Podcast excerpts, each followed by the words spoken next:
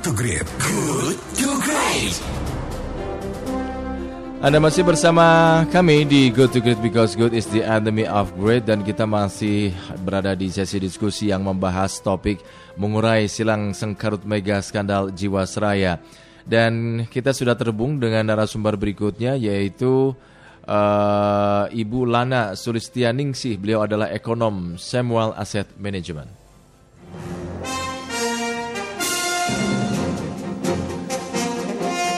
Ibu Lana selamat pagi.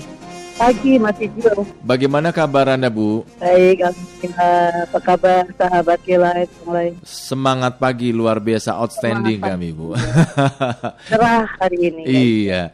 Ini kan kalau kita bicara asuransi, orang asuransi itu biasanya nggak ngomong selamat pagi tapi semangat pagi. gitu. Iya betul. Selalu pagi juga. Bulana, ini pemerintah saat ini dihadapkan pada problem uh, mega skandal asuransi Jiwasraya ya. Ya. Dan baru-baru ini dari hasil investigasi BPK itu mengungkapkan adanya dugaan kejahatan dugaan ya kejahatan korporasi dalam pengelolaan perusahaan pada tahun 2018. Nah, potensi kerugian negara ini ditaksir mencapai 13,7 triliun rupiah. Mengurai benang khusus skandal Jiwasraya menurut Anda Bulana, apa sesungguhnya ya uh, jadi pokok pangkalnya ini, Bu?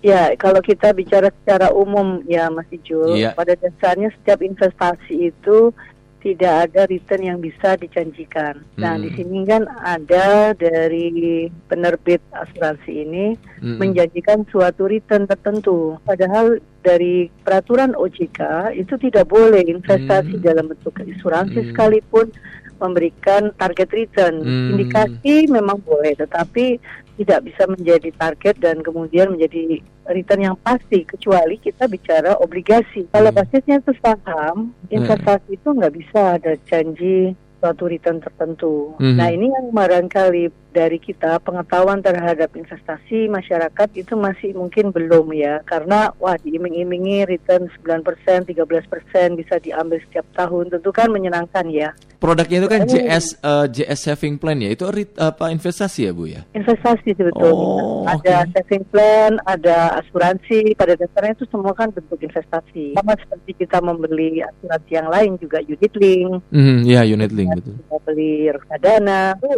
eh, pada dasarnya nggak boleh dijanjikan suatu return. Nah di Hmm. sini mungkin pengetahuan dari kita. Nah kalau kita bicara dari sisi pengelolaan, memang ada pengelolaan yang dibilangnya itu ceroboh ya, karena membeli saham-saham yang eh, relatif gitu secara Hmm. fundamental mungkin kurang kurang didukung oleh Hmm. Sektor oleh kondisi ekonomi. Nah, bagi nasabah yang penting sebetulnya bagi nasabah karena kan perusahaan mungkin saja ya dia bangkrut habis itu melenggang. Artinya Mhm. nasabah tetap yang dirugikan. Nah, di Mhm. sini pengetahuan untuk investasi kepada nasabah itu sangat-sangat penting saya kira. Dan Hmm. nasabah harusnya juga mulai apa jangan tergiur lah dengan Hmm. return-return yang terlalu tinggi gitu. Iya, Bulana ini kan BPK eh, menduga terjadi kejahatan korporasi dalam pengelolaan Jiwasraya ya Bu ya. Nah, apa sih artinya kejahatan korporasi itu Bu? Ya, ini mungkin satu istilah eh politik barangkali ya, Mas. Karena kalau kita di dunia keuangan itu nggak ada ya kejahatan korporasi. Artinya ini Hmm. seperti ada satu tindakan kesengajaan dari korporasinya yang bertujuan untuk melakukan kesalahan yang sengaja gitu ya. Hmm. Tetapi kalau kita beranjak dari positive thinking bahwa kita punya niat baik, mestinya sih dalam mengelola uang nasabah. Ini uang nasabah loh Iya. mestinya kan dasarnya niat baik dong. Mhm. Nah, bahwa kemudian dalam perjalanan itu tadi, menurut saya karena janji return yang begitu tinggi, maka manajemen ini harus memutar kepala.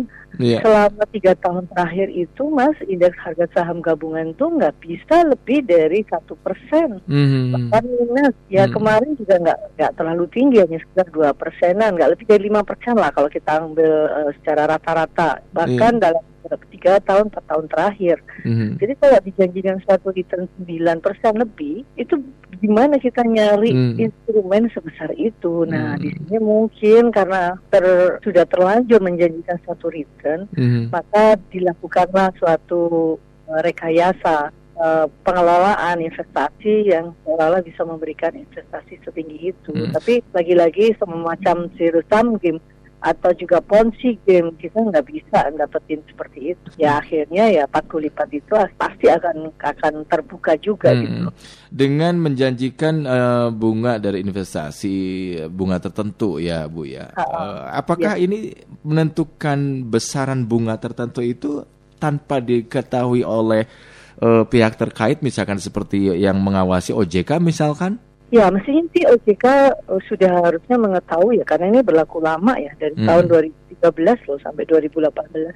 Dan Hmm. kalau aset underlying dari investasi itu saham, Hmm. mestinya sih nggak bisa eh, aturan OJK tidak membolehkan untuk memberikan indikasi return sekalipun di dalam prospektus itu mestinya ketahuan. Lalu fungsi pengawas eh, OJK sejauh ini bagaimana menurut Anda? Kalau kita bicara kecolongan gitu ya, Iya. Ah, barangkali kecolongan mungkin seperti itu. Hmm. Tapi mestinya sih ini udah diketahui sejak awal. Tapi kalau mis- masa sih sekelas OJK bisa kecolongan ya Bu ya? Makanya itu sekarang kan diperlukan investigasi ya. Hmm, Tapi iya, memang sudah cukup lama ini kejadiannya lima tahun. Oh iya, ya kalau betul. kita menyebut ada kejahatan korporasi mungkin ada semacam kong kali kong apa Hmm, hmm, iya iya iya itu maksudnya kejahatan korporasi ya. Nah, kalau kita melihat dari catatan OJK 2000 pa- periode 2013-2016 ini eh, sempat mendesak Kementerian BUMN untuk membuat langkah penyataan keuangan Jiwasraya. Artinya ada lah ya yang dilakukan oleh eh, OJK ini eh, rekomendasinya karena memang solvabilitas perusahaan eh, Jiwasraya ini kurang konon kurang dari 120 persen. Bagaimana menurut Anda ketika OJK sudah mendesak Kementerian BUMN tetapi juga belum ada upaya yang dilakukan untuk penyataan keuangan Jiwasraya sehingga terjadilah seperti sekarang? Kalau kita bicara penyehatan keuangan dari suatu BUMN itu mau tidak mau harus melibatkan APBN mas. Nah sementara sejak kasus Century itu tidak lagi dibolehkan adanya bailout. Century itu kasusnya kan 2008 ya. Iya, iya. Jadi ini setelah lah beberapa tahun setelah Century itu tidak boleh memang menggunakan dana APBN untuk penyehatan sektor keuangan. Nah ini yang mungkin ya akhirnya ya nggak bisa gitu Hmm. dilakukan bailout tersebut. Sampai sekarang pun juga nggak akan bisa dilakukan bailout karena itu Hmm. sudah ada undang-undangnya tidak dibolehkan melakukan bailout untuk sektor keuangan ya termasuk BUMN milik pemerintah. Iya. Artinya kalaupun ada PNM penyertaan modal negara itu bukan berarti menyuntik atau membailout ya. Iya.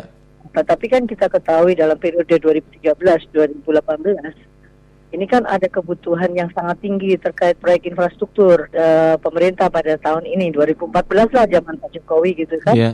2015 sehingga konsentrasi keuangan negara atau keuangan di APBN itu tidak untuk ini Hmm. diutamakan untuk infrastruktur Kalau eh, kemarin muncul wacana untuk membentuk holding company Ya. perusahaan asuransi BUMN asuransi, kemudian menyertakan menyuntikkan dana kalau nggak salah satu setengah sampai dua eh, triliun ya kalau nggak salah itu apakah cukup bisa efektif bu?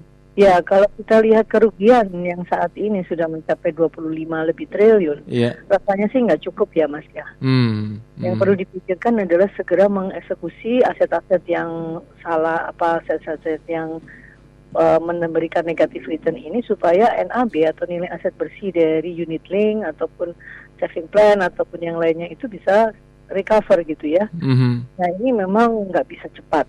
Hmm. kita eh, katakanlah kalau kita sebagai nasabah kita nggak bisa berharap banyak dalam waktu dekat ini bisa diberikan gitu ya Waduh. Kalau dikembalikan Hmm. lagi kepada nasabah untuk holding tentu saja bisa tetapi apakah ada kemampuan pendanaan dari misalnya perusahaan asuransi BUMN yang lain untuk mengakuisisi atau melakukan merger kalau sekedar holding kemudian disuntik nggak akan sanggup mas tapi kalau misalnya dilakukan akuisisi atau merger mungkin saja bisa Hmm. dan kalau melihat kemampuan dari keuangan perusahaan di BUMN khususnya di bidang asuransi nampaknya juga akan terbatas ya Mhm. untuk mengcover seluruh kerugian tadi sehingga Hmm. kalau misalnya kita mau memikirkan secara lebih rasional bukan nasional tapi Iya.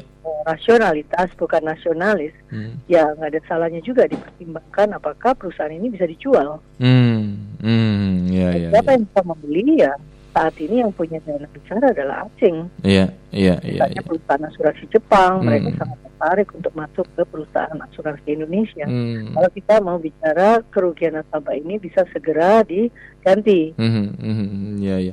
Ini Tapi kalau kita melakukan proses konsolidasi atau proses restrukturisasi dari perusahaan, tentu ini makan waktu yang lama. Hmm. Bulan ini singkat saja yang terakhir. Eh, ketika kesadaran masyarakat Indonesia dalam berasuransi masih sangat rendah dibandingkan dengan negara-negara Ya. lain, negara tetangga ya.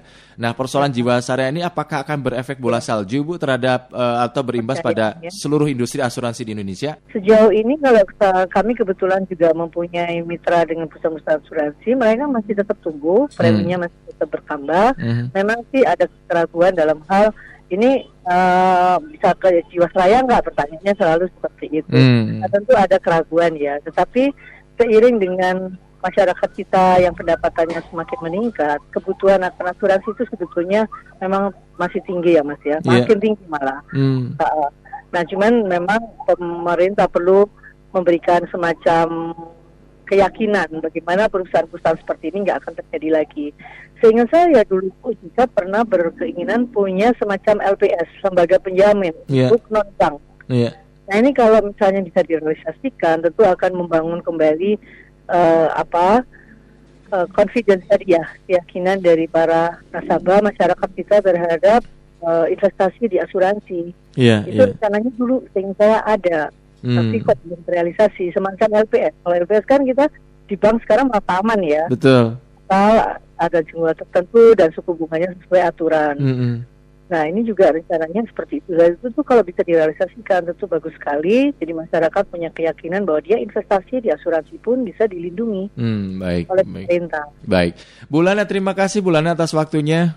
Sama-sama Mas Iju. Sukses untuk Anda selamat beraktivitas. Terima kasih. Amin. Demikian sahabat kilat Ibu Lana Sulistianingsih, beliau adalah ekonom dari Samuel Asset Management.